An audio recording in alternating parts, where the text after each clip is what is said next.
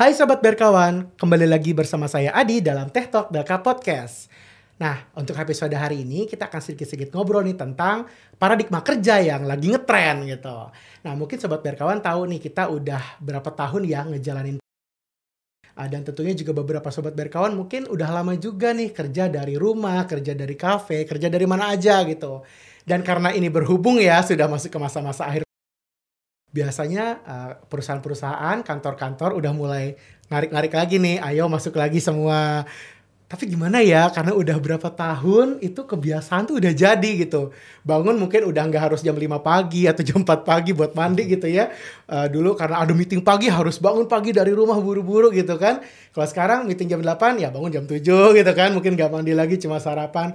Nah ini sekarang udah mulai ada lagi nih tarikan-tarikan gitu ya. Harus datang ke kantor dari pagi absen lagi mungkin agak sedikit ya butuh penyesuaian gitu. Tapi ternyata sobat berkawan ya nggak nggak semua perusahaan seperti itu karena sekarang lagi tren yang namanya hybrid working gitu.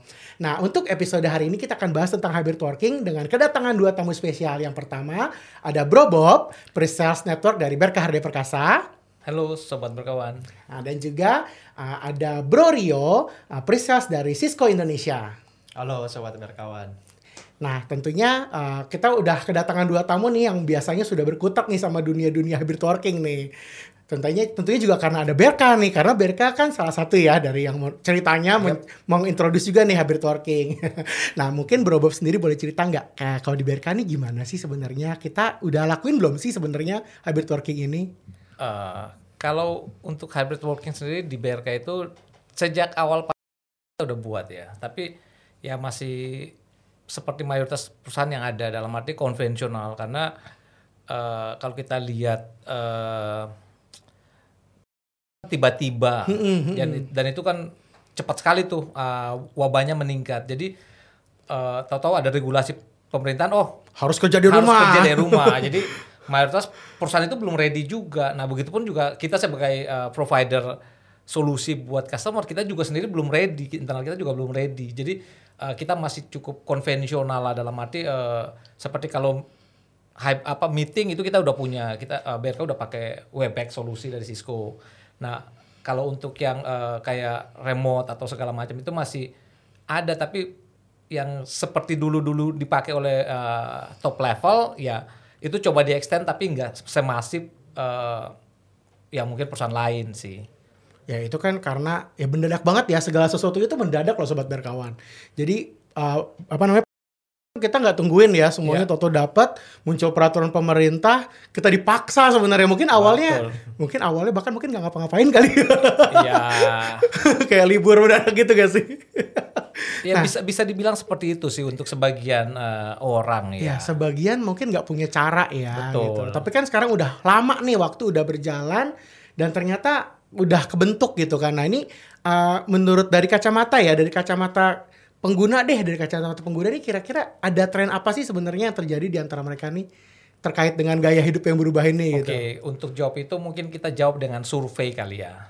Seperti yang ditampilkan di layar, karena berhubung cukup lama, which is 2 tahun lebih, mm -hmm. jadi kira-kira dari hasil survei yang dilakukan oleh uh, Cisco Indonesia itu 85 80 85 persen itu orang tuh merasa happy dengan kerja hybrid work seperti ini.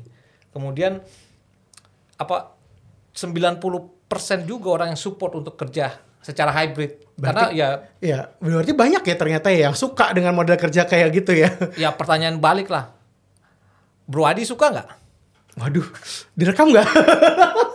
ya jujur aja aku masuk yang persenan dominan ya gitu. Nah, ya kan? Tapi ya itu masalah masalah untuk hybrid work ini satu buat mayoritas perusahaan. Di mana kalau menurut hasil survei ini cuma 25% perusahaan yang siap untuk doing hybrid work untuk uh, untuk uh, karyawannya.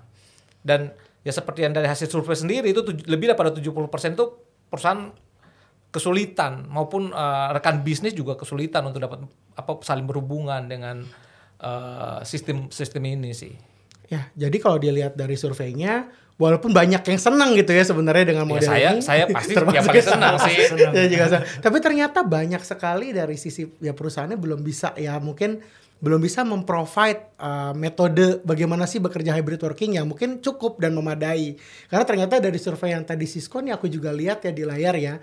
71% ternyata masih punya challenge untuk bisa engage baik itu dengan customer ataupun dengan kolega sendiri gitu. Ternyata customer itu sorry dari sisi dari dari sisi penggunanya sendiri ngerasa belum ready gitu ya.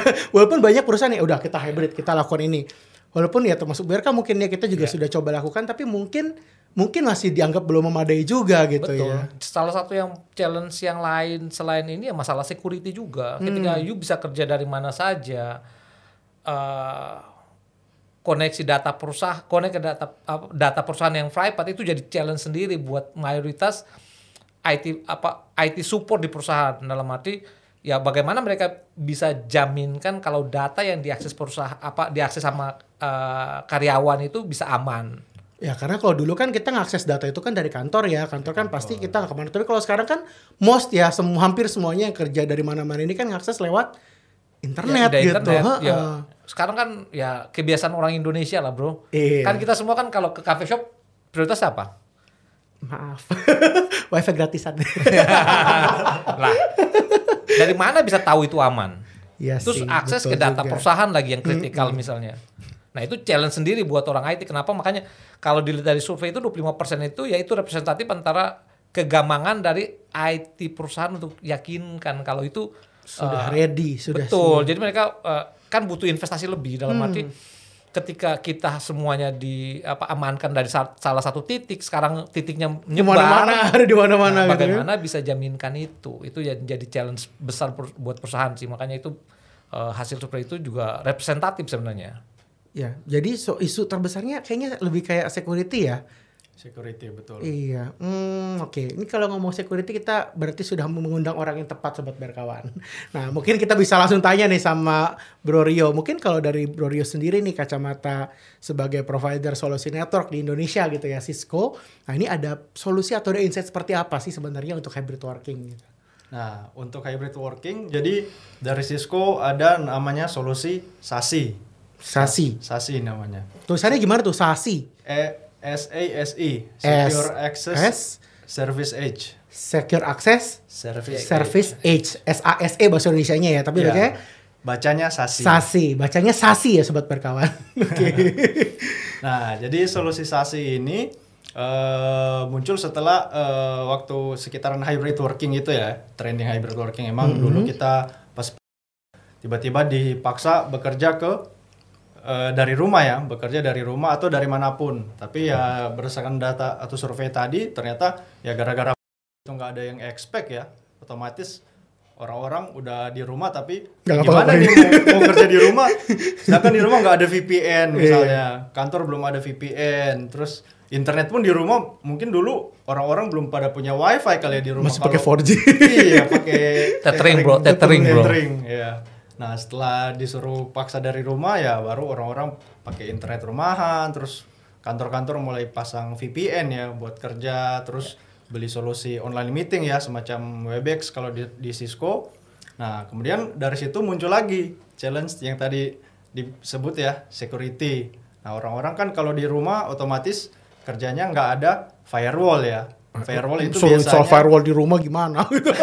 betul Modemnya aja yang murahan, bro. Oh, modemnya aja kalau bisa gratis-gratis dari provider bro di firewall lagi. Betul sekali. Jadi firewall ya karena emang biasanya mahal ya firewall itu solusi security pasti lumayan ekspensif. Jadi kita biasanya provide VPN ya, VPN dari rumah terus koneksi ke kantor baru pakai firewall di kantor. hmm. Nah, ada solusi yang lebih efektif dari SASI di mana kita bisa tawarkan namanya kalau di Cisco Cisco Umbrella. Itu produk namanya umbrella. Itu bukan payung, bro. Iya, itu payung Ya, soalnya. sekarang lagi musim hujan jadi kita bawa umbrella ya ke mana-mana. Oh. Jadi produknya produknya namanya umbrella gitu Cisco ya. Umbrella ya. Oke. Ini solusi berdasarkan DNS security. DNA security Cisco ya. Ya. Ha. Nah mungkin sebelum saya jelaskan tentang DNS security-nya, mungkin kita bisa bahas tentang teknologi DNS-nya dulu kali ya. Hmm, hmm, hmm, hmm. gimana nih, gimana nih? Jadi kalau dari sisi DNS ya, DNS itu uh, protokol yang kita butuhkan untuk basically uh, berkomunikasi ke internet ya. Karena kalau kita uh, let's say kalau analoginya ya ini saya coba bawain analoginya kalau dulu Bro masih ingat uh, soal Yellow Pages nggak? buku kuning raksasa. ya betul buku kuning Buku kuning raksasa. Kelihatan tua banget, Bro. Kelihatan maaf. umurnya ya. Enggak, rambutnya masih hitam kok. Tenang, sahabat berkawan. kita masih muda di sini ya. iya, kita semua masih muda. Jiwa muda itu lebih baik daripada usia muda. Betul, betul. Yellow nah, Pages. anyway, ya Yellow Pages itu kita pakai buat nelpon ke orang ya. Misalnya eh, saya mau telepon ke Bro, eh, nggak biasanya dulu nggak hafal nomornya kan, nggak nggak hafal nomor, jadi buka dulu buku, cari nama kan, cari nama, baru lihat oh ketemu nomornya di buku, baru eh, dari telepon saya masukin nomornya, baru bisa telepon ya. Hmm. Nah, DNS itu kira-kira seperti itu. Jadi komputer itu berkomunikasi itu nggak bisa pakai nama. Komputer itu berkomunikasi hanya bisa pakai IP. Layaknya telepon ya. Iya, Hanya kayak nomor ya, IP address ya kalau dalam komputer. Nah, jadi DNS kita butuh DNS server di sini, DNS server yang punya database nama-nama domain terus dia translate ke IP. Hmm, Nah, misalnya saya mau buka cisco.com. Nah, komputer saya nggak tahu cisco.com. Nah, saya harus tanya ke DNS server, "Eh, DNS server cisco.com itu IP-nya berapa sih? Kayak nanya nomor teleponnya berapa gitu ya. Betul, Nah, nanti si DNS itu akan memberikan jawaban berupa IP address-nya gitu Betul. ya. Yellow Pages Yellow modern. Pages. Sorry, Bro, tanya. Apa hubungannya DNS sama security ya? Oh iya. Nah, Kenapa ya kita butuh Yellow Pages? Pertanyaan menarik. Nah, jadi waktu kita tanya ke DNS server kan, ya biasanya mereka udah punya eh, database ya, database domain sama IP ya. Nah, Yep. kalau kita punya DNS server yang yang sifatnya yang public, nggak ada security-nya, berarti semua malware domain itu yang kita akses, dia akan reply tetap IP-nya. Jadi kita tetap bisa akses IP. Hmm. Nah, semacam teman-teman kalau misalnya mau buka-buka situs piracy ya, misalnya yang uh, suka download ya, sobat biar kawan pasti banyak yang suka download. Misalnya teluk bajak laut gitu ya, misalnya Iya. teluk bajak laut. Suka download kan biasanya situs-situs torrent dan semacamnya itu banyak pop-up pop-up ya. Hmm. Nah, dan situs-situs ilegal itu ya berarti pop-upnya bersifat malware. Malware. Bisa jadi kita terkena ransomware yang paling bahaya sekarang ya. Oh, kalau gitu kalau kita pakai umbrella ini masalah tadi selesai, Bro. Nah, kalau kita pakai umbrella nanti eh, domain-domain yang malicious itu akan diblok langsung oleh umbrella. Umbrellanya. Wah, aman dong kalau gitu. Aman pasti. Wah, bagus lah. Jadi ini maksudnya kalau kalau kayak gitu ya, berarti kalau misalnya kita nih sobat berkawan yang misalnya melakukan hybrid working, terus mereka menggunakan solusi Cisco dari Umbrella ini, ini bentuknya software. Bentuknya software, dia Oke. cloud based. Berarti software dan cloud based ya. Jadi dari sisi company nggak perlu pasang apa-apa lagi nih ya di company ya. Berarti nanti uh, sobat berkawan yang hybrid working itu install di dalam PC atau laptop mereka atau bisa smartphone juga. Smartphone semua juga bisa ya, ya, Android iOS juga bisa. Nah itu berarti nanti eh, itu bisa diatur ya istilahnya apa aja yang boleh mereka akses Betul. dan apa aja yang nggak boleh mereka akses menggunakan device yang mereka pakai buat bekerja gitu kan ya. Karena kan kalau bekerja kan kita means data-data kerja kita ada di situ gitu. Nah dengan kita menggunakan Cisco Umbrella eh, maka ketika kita mengakses internet kita dapat protection ya gitu ya kesannya ya Iya. dari website-website eh, yang biasanya mau uh, punya tendensi-tendensi ya untuk memasukkan malware ataupun ransomware ke dalam perangkat kita gitu ya kira-kira. Betul, Betul itu. kan ya, betul, Betul ya. itu. Oke. Iya. Itu pasti baru satu nih kayaknya kalau cuma gituan doang nggak cukup nih kayaknya. iya. Nah, iya itu eh, udah bagian dari SASI ya, tapi SASI itu sebenarnya ada juga eh, yang kita harus bangun konektivitasnya dulu. Ya, tadi kan saya sebut VPN ya, VPN salah satu means untuk kita connect ke kantor ya, VPN. ya, kalau VPN itu kan berarti kita uh, install software untuk bisa akses secara secure ke kantor ya, Kantor, ke jaringan betul. kantor ya. Itu itu infranya lah kita bilangnya Iya. infranya. Nah, di infranya sendiri di Cisco kami ada namanya Meraki. Oh, Meraki juga ada VPN. Meraki ada. Meraki Jadi Meraki itu solusinya end to end ya. Jadi dia ada switch, ada uh, next generation firewallnya, Mhm. ada access point, bahkan sampai uh, teleworker. Nah, jadi kalau dari Meraki kita bisa pakai yang produk untuk teleworkernya. Dia cuman seperti modem, tapi modem kita bisa pasang di rumah bisa up to 5 device yang connect. Terus kita bisa langsung koneksi ke kantor dari perangkat Meraki teleworker itu. Hmm. Nah, jadi kita nggak perlu VPN lagi, nggak perlu install software, kita langsung connect ke WiFi, tapi WiFi itu udah masuk ke jaringan kantor. Oh, jadi eh, modelnya ada kita bisa punya device yang istilahnya udah kita nggak perlu install VPN lagi di sini. Jadi asal kita connect ke situ, nanti ketika dia eh, ketika kita mau akses jaringan kantor dari sini ke sana udah VPN gitu ya. Betul. Oh, jadi teleworker, Teleworker. ada juga opsi VPN gitu ya. Kalau Iya. jadi Meraki ini punya dua solusi nih dari sisi infranya. Oke. Oh, sorry bro, ini gua nggak nangkep sih dalam arti kan kalau misalnya lu kita nginstal uh, teleworker device, ada nggak syarat dan kondisi buat bisa connect ke apa uh, infrastruktur di kantor kantor pusat juga gitu Hmm, loh. perlu nggak kita Kan kalau misalnya gitu? analoginya kan kalau kita pakai VPN kan berarti kan kita harus punya VPN server tuh di Hmm. kantor pusat. Nah, kalau untuk eh, teleworker ini kira-kira bisa Bro Rio jelaskan sedikit nggak ke eh, sobat berkawan yang diperlukan eh, di kantor pusat apa sih? Hmm.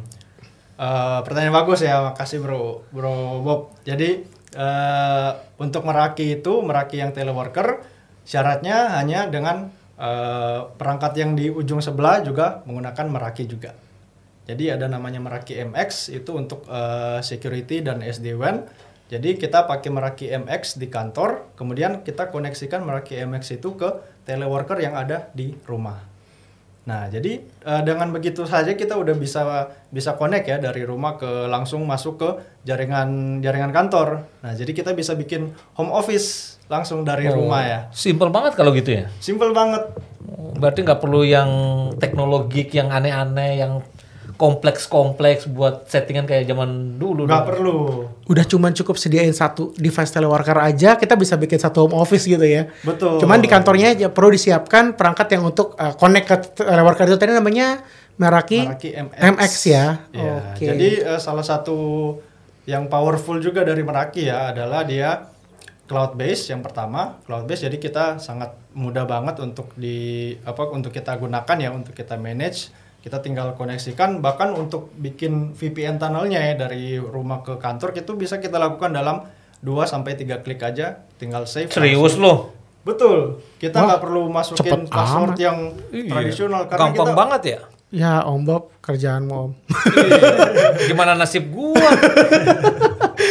Intinya jadi kalau uh, dalam teknologi ini ya, dalam teknologi penyediaan infrastruktur ini berarti lebih simpel ya. lebih simpel Jadi kalau dulu kan kita bayangannya untuk bangun kantor cabang satu aja Iya. pasti drama dulu kan. Betul. Pasti ribet banget mesti pikirin device A, B, C, nyediain ini, nyediain itu. Nah ini dengan model si si Meraki MX ini kita tinggal sediain satu perangkat di kantor pusat. Lalu kita tinggal sediain teleworker ya untuk di site-site yang kecil. Dan Hmm. asal itu connect ke internet dan bisa connect ke cloud Meraki itu udah connect langsung bisa langsung ngobrol bisa sama lain. langsung Dan itu three clicks. three clicks Three clicks, Nah, ini mungkin Berkawan. satu pertanyaan lagi ya. Mungkin kalau eh, sobat berkawan banyak yang cukup eh, ada yang ngerti teknologi cukup baik, ada yang eh, kurang minimalis. Butuh nggak sih buat eh, teleworker device itu butuh apa eh, private apa, reserve public IP nggak sih? Atau Nah. nah, nggak perlu. Jadi kan kalau misalnya kita pakai internet rumah kan ya Nggak mau Bro, lah Rio konflik- tahu lah kan Iya. harga murah. murah, tuh. ah. Iya. Iya, saya juga di rumah aja jangan kan public IP private oh dikasihnya. Karena ya emang home home network ya broadband jadi Iya. emang ya public IP sekarang kan udah mulai habis ya, udah mulai habis. Jadi ini kesimpulannya nggak butuh sama sekali. Nggak butuh ya, nah, jadi ya. di Meraki itu nggak butuh karena salah satu benefit dari cloud base ya, dari cloud base semuanya di manage oleh Meraki dan nanti Meraki yang akan uh, provide semacam dynamic DNS-nya lah. Nah itu poin pentingnya buat so- sobat berkawan. Dynamic DNS-nya ternyata sobat berkawan. Jadi uh, ka- walaupun kita pakai I- apa IP yang istilah bisa dibilang nggak bisa dicari dari luar gitu ya kan private IP ya. Betul. Itu karena kita di manage dan dan oleh si Meraki menggunakan dynamic DNS itu. Jadi ya walaupun kita harus lewat internet, tetap aja kita bakal nemu jalannya gitu ya. Iya itu ya itu yang mantep sih. Itu yang menghilangkan keruwetan yang biasanya terjadi kalau misalnya nih Om Bob, uh, Bro Bob ini kalau misalnya disuruh bikin kantor cabang baru nih. Aduh, Aduh. sakit kepala bro. Apalagi kalau kantor cabangnya jauh gitu ya, nggak akses internet cuma satu provider gitu. ya. Betul. Nah, ngomong-ngomong untuk ka- kantor cabang baru di Meraki juga itu eh, sangat mudah untuk kita bikin kantor cabang baru. Di Meraki ada namanya zero touch deployment. Zero touch deployment. Ya, jadi kita nggak perlu sentuh barangnya. Kita pas kita order, pas lagi nunggu ya biasanya kan pengiriman dari US ya, sekitar dua bulanan. Nah kita bisa langsung sambil nunggu barang kita bisa langsung eh, connect ke dashboardnya Meraki, terus langsung konfigurasi. Kita bisa langsung konfigurasi network yang akan kita pasang di cabang yang baru ini. Hmm. Tapi ini buat semua produk Meraki, Bro. Buat semua produk Meraki. Wah, mantap juga kalau gitu ya. Jadi semua Simple, produk Bro. Meraki nggak perlu ngirim eh, semacam berobob ke sana gitu. Nggak perlu. Oh nggak perlu berobobnya cukup di kantor aja gitu Di ya. kantor aja, config aja dari kantor atau dari rumah. Gimana pun. nasib gua, Bro? Nggak Susah apa-apa. masa depannya nih. Tapi kan TNA-nya jadi diskon. Tapi kan Indonesia tetap dihitung. Tenang aja bro, nggak akan kehilangan kok. jadi kemudahannya ya nggak hanya sekedar uh, kita bisa dengan mudah, tapi dari sisi deployment-nya juga kita bisa dapat kemudahan lain yaitu nggak perlu kirim engineer on-site ya.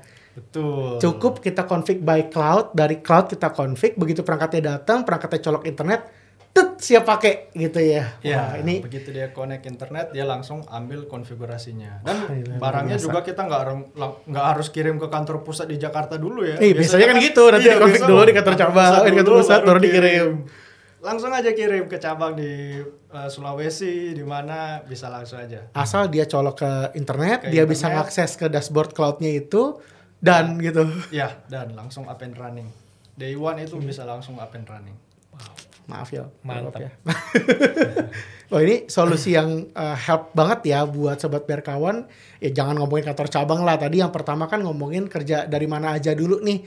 Mungkin buat sobat berkawan yang bisnisnya masih belum begitu punya uh, investasi ya, apalagi tiba-tiba nih mungkin harus terpaksa menaati mungkin ada yang maaf nih di kantor tiba-tiba harus ada yang isolasi gitu kan. Mungkin kantor harus tutup dulu. Terus waduh ini gimana nih harus apa? Nah, Meraki ini punya banyak sebenarnya solusinya. Mungkin yang pertama tadi mulai dari umbrella. Jadi DNS yang aman lah istilahnya gitu kan. Lalu yang kedua juga kalau misalnya belum punya device ya bisa pakai VPN dari uh, bisa pakai VPN juga. Nah, terus nanti juga kalau memang mau ada kantor cabang yang tetap stay buka, mungkin kantornya kecil, cuman lima orang gitu ya. Bentuknya juga mungkin belum sampai jadi kantor gitu. Mungkin bisa pakai tadi teleworker itu ya. Tadi up to berapa? Up to 5 Lima device ya, up to 5 device dan itu udah langsung connect ke nah, bisa langsung connect ke network kantor ya. Dengan simple deployment aja karena di kantor cuman tadi butuh satu device apa namanya tadi ya MX ya. Meraki MX. Iya Meraki MX aja dan itu asal connect ke internet udah kita bisa akses ke network kantor secara aman gitu ya. Dan tadi ada lagi yang uh, zero touch deployment device tadi.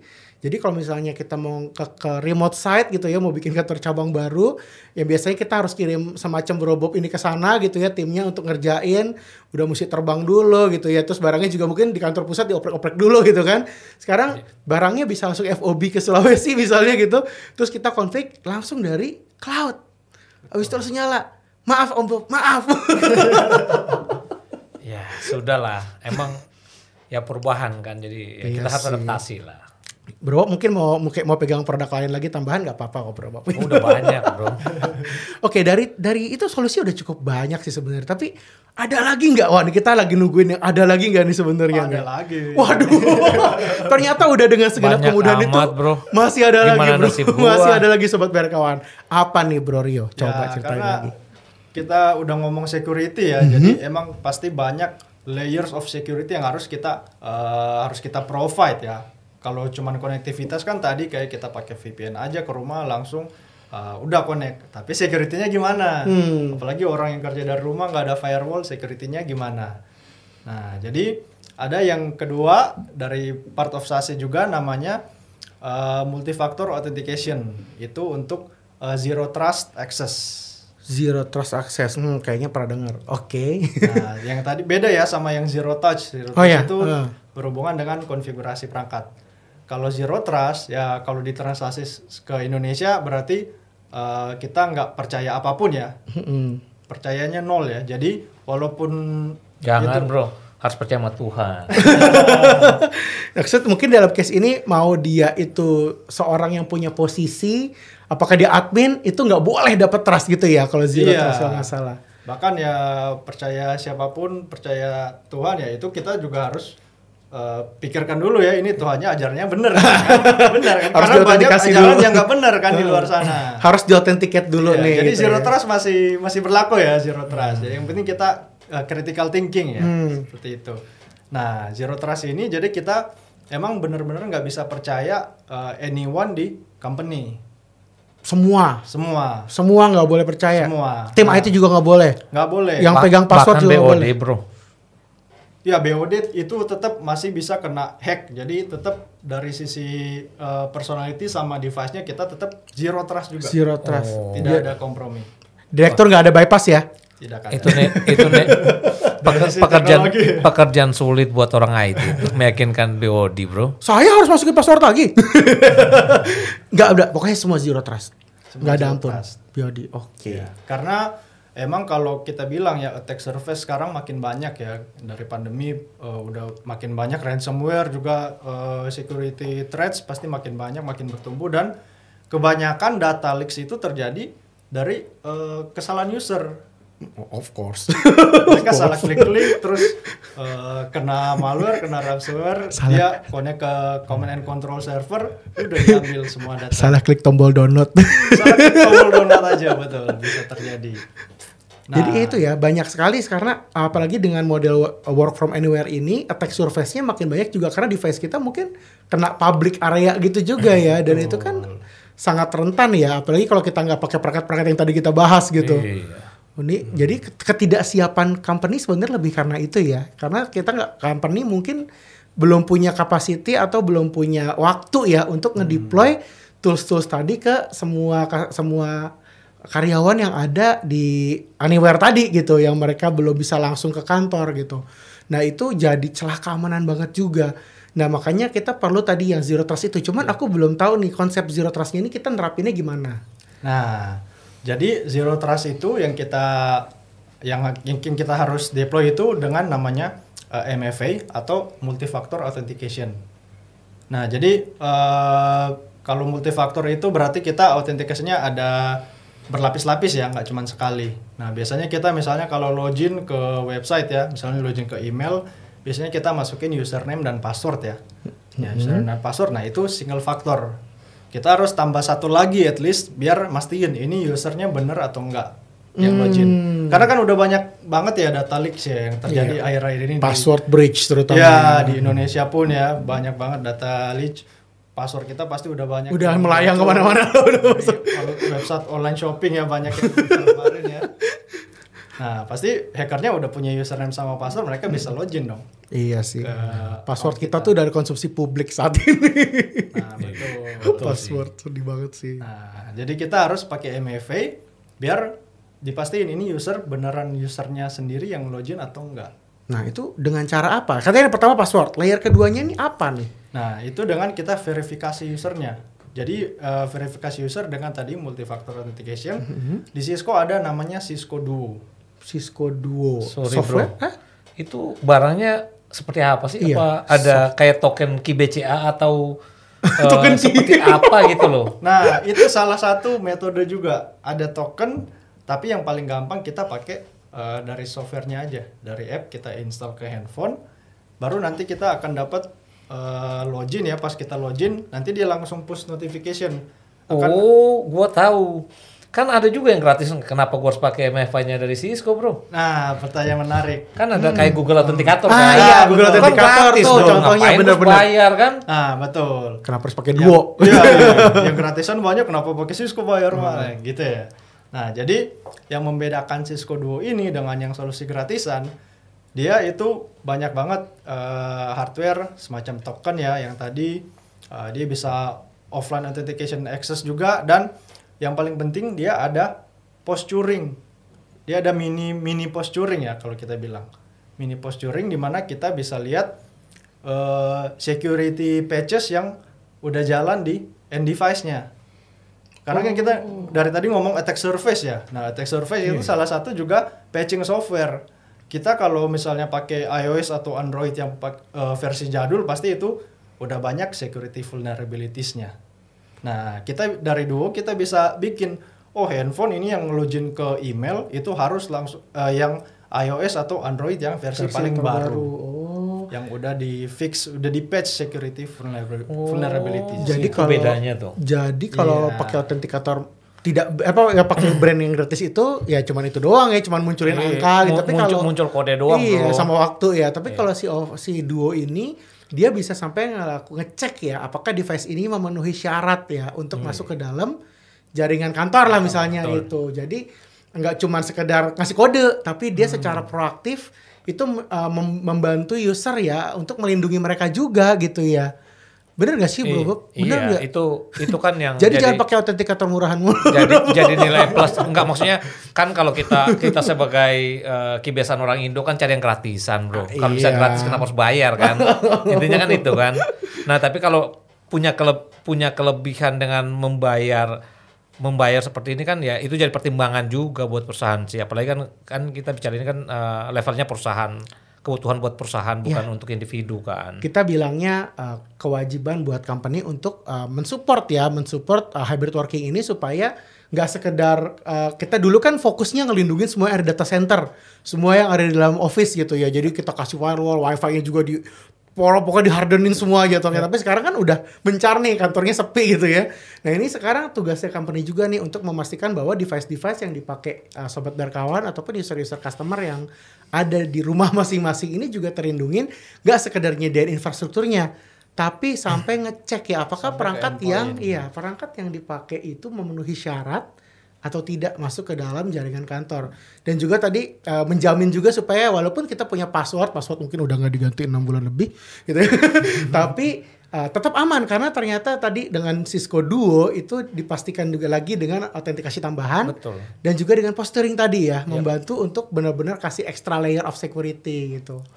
Ya karena karena bagaimanapun kan kita bicara perusahaan kan dia punya kepentingan Hmm, lah. kepentingan Ketika dia punya karyawan akses data uh, pentingnya dia dari rumah atau dari mana saja dengan perangkat apa saja tanpa ada jaminan keamanan yang cukup itu kan sangat berisiko dan taruhannya cukup mahal gitu loh. Jadi yang mau nggak mau ya ya istilahnya lu bayar dikit lah biar lebih lebih nyaman lah semuanya kan. Iya, taruhannya muncul di forum ya. iya betul. Dan emang kita juga harus uh, cari balance ya, balance di mana kita harus bisa provide flexibility ke karyawannya, tapi kita harus bisa kontrol juga ke sisi akses. Seperti yang dua tadi juga, oh ya salah saya uh, lupa mention sampai dia bisa bikin end device itu harus misalnya kalau iOS ya iOS yang di jailbreak itu nggak bisa akses. Nah itu kita bisa baca sampai ke situ. Android yang di root itu kebaca oh ini Android di root nggak bisa login ke email Waduh. kita bisa setting kayak gitu. Ya jadi kan kita kasih option tapi ya device device masing-masing ya kita yang beli ya. Tapi kalau mau akses ke kantor ya ikutin aturan kantor. Ya, tapi kembali lagi tadi ke ini ya, sejauh apa kita mau uh, lebarin policy dan kompromi kita ya. Tapi uh, setidaknya dengan perangkat-perangkat dan solusi-solusi ini, ya kita punya tools ya, kita mau tolerate apa sih gitu ya dengan segenap kekurangan yang bisa company sediakan juga dan segenap uh, kepentingan yang dipertaruhkan juga gitu ya. Jadi kepentingan sama tuh komprominya nih bisa dibalance gitu. Tapi yang penting dari Cisco, dari Meraki kita sudah ada tools, sudah ada alat yang bisa uh, menjamin baik dari sisi customer ataupun dari sisi company itu punya tools yang bisa membantu mereka mensupport uh, tren ini gitu. Di mana ya dulu sih waktu baru kan semua masih worry-worry, takut-takut mungkin dengan adanya ini sobat berkawan baik yang sebagai pengusaha ataupun sebagai pekerja udah mulai tahu nih ternyata ada loh gitu ya produk yang benar-benar bisa jaga end to end gitu ya Bro Rio sama Bro Bob ya. Ini nih yang gratisan mulu. Bro, cukup dong. Kan porsi gue udah banyak ke sedot sama dia. Masa masih tekan juga? ya biar, maksudnya biar sobat biar kawan juga ngerti kenapa sih harus invest gitu ya karena uh, kita juga harus pikirin kepentingannya company juga gitu kan dan juga buat kita sendiri ya mungkin juga harus mulai bercermin ya kita udah melakukan apa ya untuk menjaga perangkat kita sendiri juga gitu kan karena perangkat kita ada data perusahaan juga mungkin sekarang di situ gitu ya Ya, Bro Bob sama betul. Bro Rio ya ini uh, luar biasa lagi nih tapi apakah masih ada lagi nih atau kita mau tutup mau bungkus nih solusinya nih udah banyak banget soalnya ini udah berat ada Terakhir solusi apa? mungkin. waduh Gara-gara bro tadi uh, mention soal kebocoran data. hmm Nah, eh, itu ada salah satu fitur juga di Umbrella namanya DLP atau Data Loss Prevention. Nah, jadi Data Loss Prevention ini dia bisa baca misalnya eh, ada user nih dapat data yang private, terus eh, dia misalnya ya kar- karena terinfeksi virus dia misalnya otomatis dia posting ke eh, website luar misalnya data KTP. Nah, itu akan dibaca oleh Umbrella dan nanti akan langsung diblok. Oh, akan langsung diblok. oke. Eh, nanti dibilang been blocked by Cisco Umbrella because of data loss prevention. Karena ada indikasi bahwa data pribadi yang sensitif mau di leak keluar kantor. Oke, jadi bahkan sampai ke yang ya istilahnya itu tadi kita udah ngomong infrastruktur, udah ngomong keamanan data akses, bahkan sampai ke end device juga bisa dibantu kan kalau dulu ya kalau kita ngomong DLP ya, itu kan kita ngomongin dari server supaya nggak bocor gitu kan. Betul. Ini di end device juga bisa Sampai di ngelakuin device, kartu kredit, KTP itu pasti akan diblok kalau kita nyoba ngirim datanya ke tempat yang mungkin tidak tidak aman Iya. gitu dianggapnya sama si Umbrella. Wah, Canggih bro, udah beli aja. ngomongnya ke sana jangan ngomong ke jangan ngomong ke aku. aku kan nyuruhnya ke sini nanti buat beli. Ah, ini udah berat nih, masih ada lagi nggak Bro Rio? Ya kira-kira itu aja. Kira-kira itu Nanti aja. nggak akan habis-habis kalau Nggak akan bisa habis. Nggak, soalnya memang ya karena aku pikir yang namanya solusi ya itu pasti akan ada lagi, akan ada lagi. Karena problem ada lagi, ada lagi gitu ya. Dan dengan tren yang terus berkembang ya, dua tahun lalu mana ada sih yang ngomongin Ya. Ada nggak? Nggak ada. Semua pengen kantor kantor kantor gitu ya. Semua pasti pengen masuk kantor. Tapi tiba-tiba ada panda mendadak semuanya panik bingung. Ya setahun dua tahun berjalan akhirnya mulai ada adjustment. Ya terus dari uh, perusahaan masing-masing sudah mulai menerapkan kebijakan. Tadi juga Bro Bob sudah cerita ada yang konvensionali melakukan ya. Cuma menyediakan uh, online meeting tools gitu ya. Tapi ternyata itu hanya menyinggung sebagian kecil aja dari yang dibutuhkan sebenarnya karena sebenarnya banyak sekali sudut yang harus dilindungin gitu ya kalau kita ngomongin Nah, dan Cisco dan Meraki gitu ya, itu sudah punya banyak sekali solusi yang bisa mengcover dari ujung ke ujung gitu. Nah, yang pertama tadi dari Duo dulu ya, eh uh, Umbrella dulu, Umbrella ya. Umbrella tadi yang menyediakan ya, DNS juga, DNS server, sama tadi uh, untuk DLP. Jadi dari sisi end device itu dibantu untuk dilindungi. Jadi customer, uh, sobat berkawan yang di rumah gitu ya, secara spesifik itu dilindungi sama uh, Umbrella. Jadi kalau misalnya mau ngakses website berbahaya diblok. Kalau misalnya uh, nggak sengaja masukin informasi kartu kredit terus ternyata di forward ke website yang berbahaya itu juga diblok. Diblok. Ngirim email uh, rahasia perusahaan tapi ternyata servernya dibelokin, diblok juga gitu. Jadi dari sisi end user dilindungi dengan uh, Umbrella. Lalu tadi juga ada solusi uh, infrastrukturnya yang mulai dari uh, ada VPN, terus juga tadi ada device yang bisa uh, sangat mudah di deploy yaitu bisa support 5 device langsung teleworker namanya.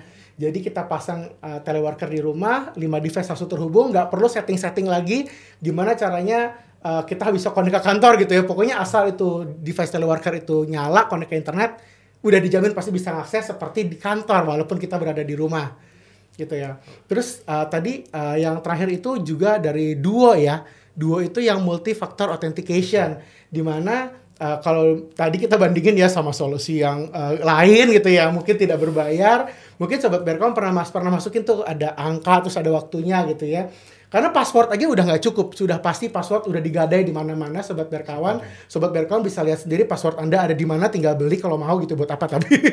tapi kalau mau ngisengin orang mungkin boleh ya, tapi jangan.